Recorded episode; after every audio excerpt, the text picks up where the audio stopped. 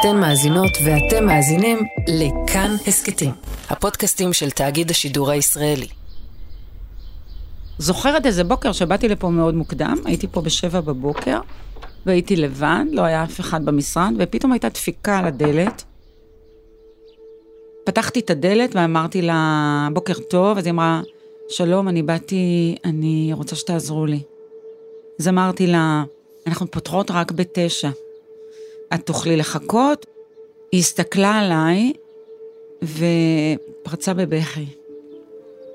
אז חיבקתי אותה, הכנסתי אותה, הכנתי לה כוס תה, ישבנו ודיברנו, והיא פשוט לא יכלה, היא הייתה בדרך לעבודה, והיא אמרה, אין, אני... היא הסתכלה בטלפון ובאה אלינו. אני זוכרת את הרגע שהיא יושבת והיא אומרת, היא מספרת לי על עצמה, הכל תוך כדי דמעות בלתי פוסקות, ואז היא אומרת, היא מספרת שהיא עובדת סוציאלית, תואר שני. אני מקשיבה לה. אני רואה את עצמי. כאילו, החיים שלה, אה, היא מראה שלי, אני, אני כמוה, אני גם עובדת סוציאלית עם תואר שני. יכולתי להיות בקלות במקומה.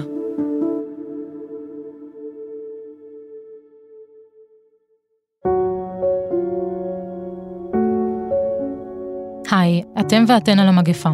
אני דניאל מאורר, ובפרק הזה נשמע את תמר שוורץ, מנכ"לית עמותת רוח נשית, שהיא בין התוצאות הראשונות שיופיעו אם תחפשו בגוגל אלימות כלפי נשים. ממש כמו שעשתה האישה שביקשה ממנה עזרה. עמותת רוח נשית מעניקה סיוע ושיקום תעסוקתי לנשים שיוצאות מזוגיות אלימה.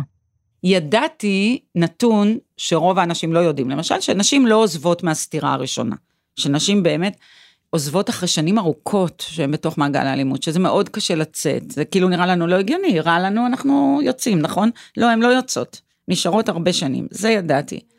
אבל לא ידעתי שכמעט חצי חוזרות לבן זוג האלים אחרי שהם יצאו. זה נתון שהדהים אותי, זה לכאורה סותר את ההיגיון האנושי. למה היא חוזרת לבית האלים? מדובר על נשים עם אינטליגנציה תקינה, מדוע הן עושות את זה? כאן הבנתי את עוצמת התלות הכלכלית. נשים, שמעתי שוב ושוב אומרות, תשמעי, אני הייתי מוכנה להיות ברחוב, אבל לא הייתי מוכנה שהילדים שלי יהיו ברחוב. הוא החזיק את חשבון הבנק, לא היה לי שקל, גם אם היא עבדה. הכסף היה אצלו. היא, לא, גם אם היא עובדת, היא לא יודעת לנהל חשבון בנק. היא חושבת שהיא מטומטמת וטיפשה והיא לא תדע להסתדר. כמה היא הפנימה את הדיכוי, וגם אחרי שהיא יוצאת, היא חוזרת. וחשוב להגיד שהאלימות הכלכלית היא שקופה. קשה להבחין בה והיא נמצאת בכל מקום. נגיד את זה רגע בסטריאוטיפ, זה גם שרון מרמת אביב, ונשים משכילות, ויש לנו פה ברוח נשית, אני כמובן לא אגיד שמות, אבל יש לנו נשים באמת דוקטוריות, סלבס, שאתם לא מאמינים, שאתם כולכם מכירים, והן פה. וגם נשים חסרות אה, תעסוקה, חסרות השכלה, יש לנו את כל הטווח. ואז תמיד עולות השאלות. איך זה קורה? איך אישה מאבדת את העצמאות הכלכלית שלה והופכת תלויה לגמרי בגבר שהיא חיה איתו. אתם מכירים את אה, משל הצפרדע המתחממת? אם זורקים צפרדע לקערה עם מים רותחים, היא מיד תנטר החוצה. אבל אם שמים אותה בתוך קערת מים, ולאט לאט מחממים את המים, אז היא לא, אז היא מתבשלת בפנים. אלימות לא מתחילה מיד, כן? יש שלב החיזור, והוא אומר לה, מה אכפת לך? תני לי להתעסק עם זה, למה את צריכה להטריד את עצמך? ונשים מוסללות חברתית, לא להתעסק עם כסף, גברים מצופים להתעסק עם כסף, לפרנס, נשים פחות, זה, זה פחות מובן מאליו. לגבר כמעט לא צריך לעשות שיעורי אוריינות פיננסית, הוא מנותב לזה מ, מהלידה. אישה כן, אישה אנחנו צריכות להתגבר על חסמים. כן, כן, גם את יכולה לנהל את הפנסיה שלך, השקעות, לפחות את חשבון הבנק שלך. האבסורד הוא שיכול להתקיים פער מאוד גדול בין הדמות שאת מחזיקה בבית, לבין האישה המצליחה שאת בשוק העבודה ובעולם שבחוץ. והבית שאמור להיות מקום מוכר ובטוח, הופך להיות שדה מוקשים. בית אלים הוא בית שהוא... כל הזמן יש בו פחד, כל הזמן יש בו דריכות. לא להגיד, הולכים על ביצים, לא רק היא, גם הילדים. לא להגיד את הדבר הלא נכון, לא להרגיז אותו. יש uh, שלטון טרור, הוא השליט, הוא מחליט, יש אלימות רגשית קשה, יש השפלות, יש אלימות מילולית.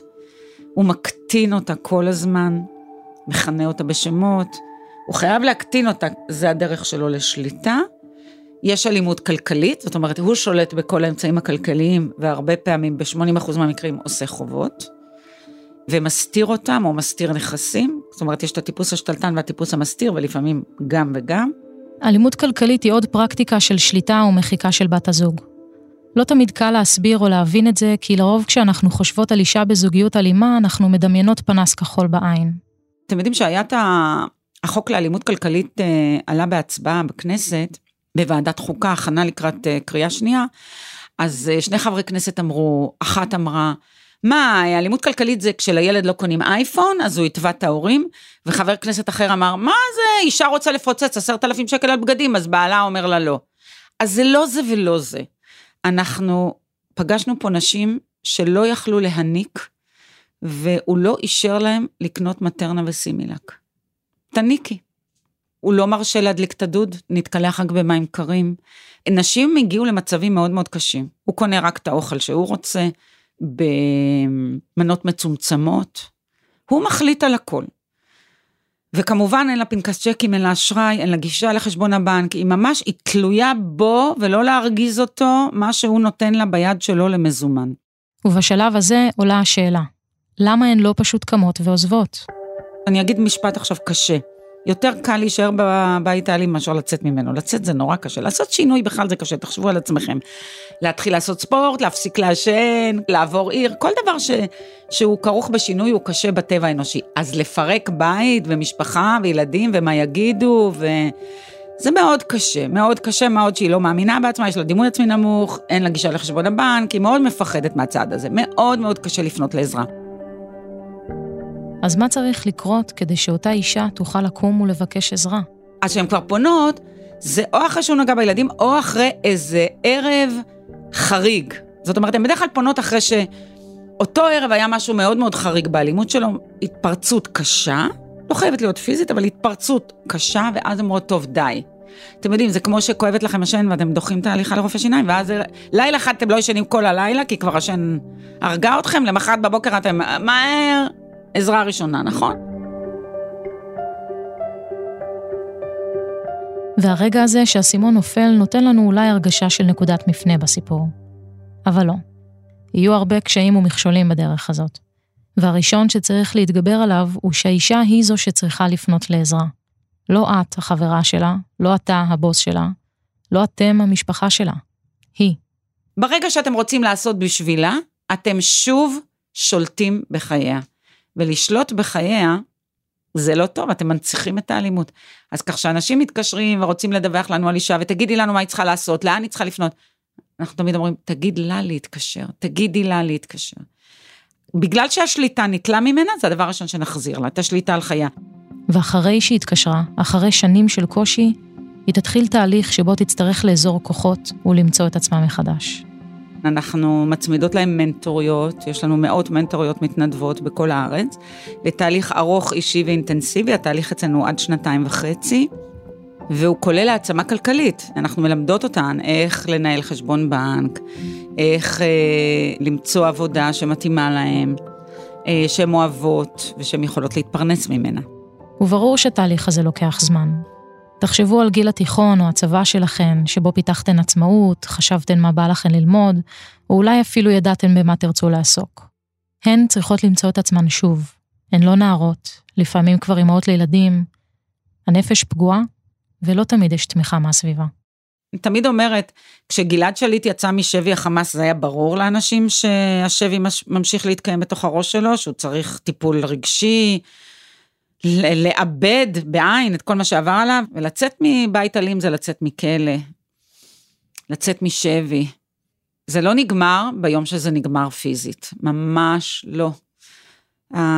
הבן זוג האלים ומסריו המקטינים והקשים והסיוטים בלילה ממשיכים להתקיים בראשה של האישה עוד שנים ארוכות. הם קודם כל, רובן הן נפגעות טראומה. הן אה, שנים גוררות את זה כלפי חוץ, אתם תראו בסדר, אני תמיד אומרת, האלימות הפיזית היא הכי קלה. למה?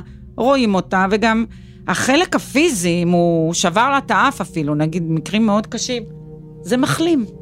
הפיזי מחלים. הגוף זוכר. הנשמה, השריטות בנשמה, וואו, זה לשנים. הנשים שמגיעות לרוח נשית ולתמר הן אלה שמצליחות לחיות עם השריטות, ועברו כבר כמה משוכות ומכשולים בדרך הארוכה ליציאה ממעגל האלימות. והתפקיד של רוח נשית הוא לספק להן כלים להעצמה כלכלית. אישה לא עצמאית כלכלית, 66 אחוז שהיא תחזור לבן זוג האלים. אישה שמתפרנסת בכבוד, אתם יודעים מה הסיכוי שלה לחזור לבן זוג האלים? 0.01. כלומר, לא קיים. אז את זה אנחנו מצליחות להגיע ממש עם רוב הנשים שלנו למצב כזה.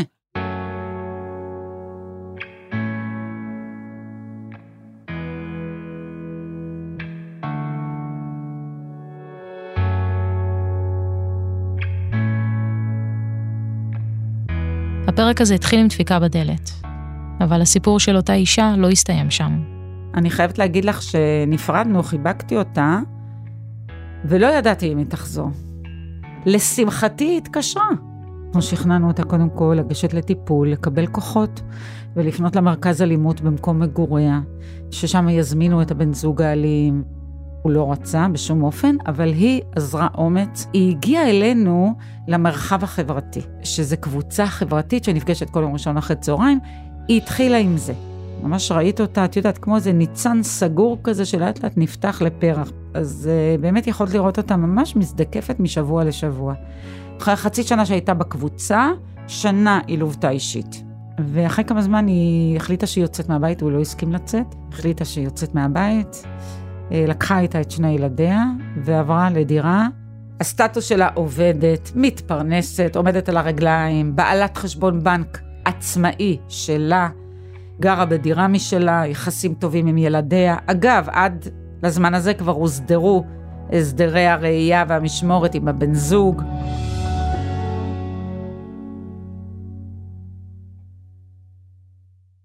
תמר, מה תגידי לאישה שמאזינה לך ומזדהה עם הסימנים?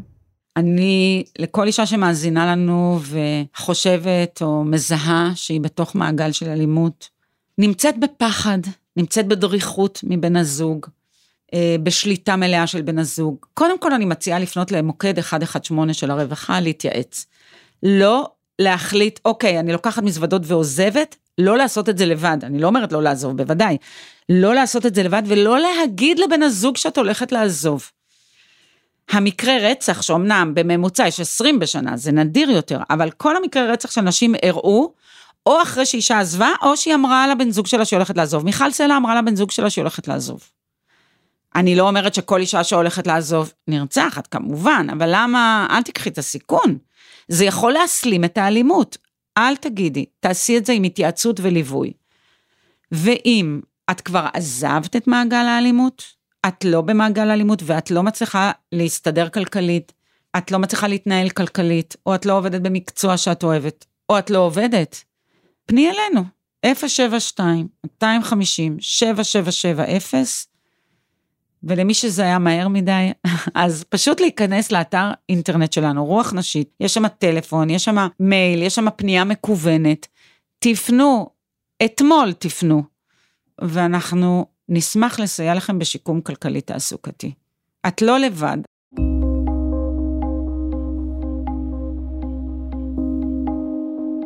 האזנתם והאזנתן למגפה. אני דניאל מאורר. בצוות ההסכת ניר גורלי ומאיה קוסובר. על עיצוב הסאונד והמיקס רחל רפאלי. אם את או אתה זקוקים לסיוע, מספר הטלפון של מוקד החירום של משרד הרווחה הוא 118 118. הקווים של מרכזי הסיוע לנפגעי ונפגעות תקיפה מינית הם 1202 לנשים, 1203 לגברים. פרקים נוספים של המגפה אפשר למצוא בכל אפליקציות הפודקאסטים ובאתר כאן. תודה על ההאזנה. ניפגש בפרקים הבאים.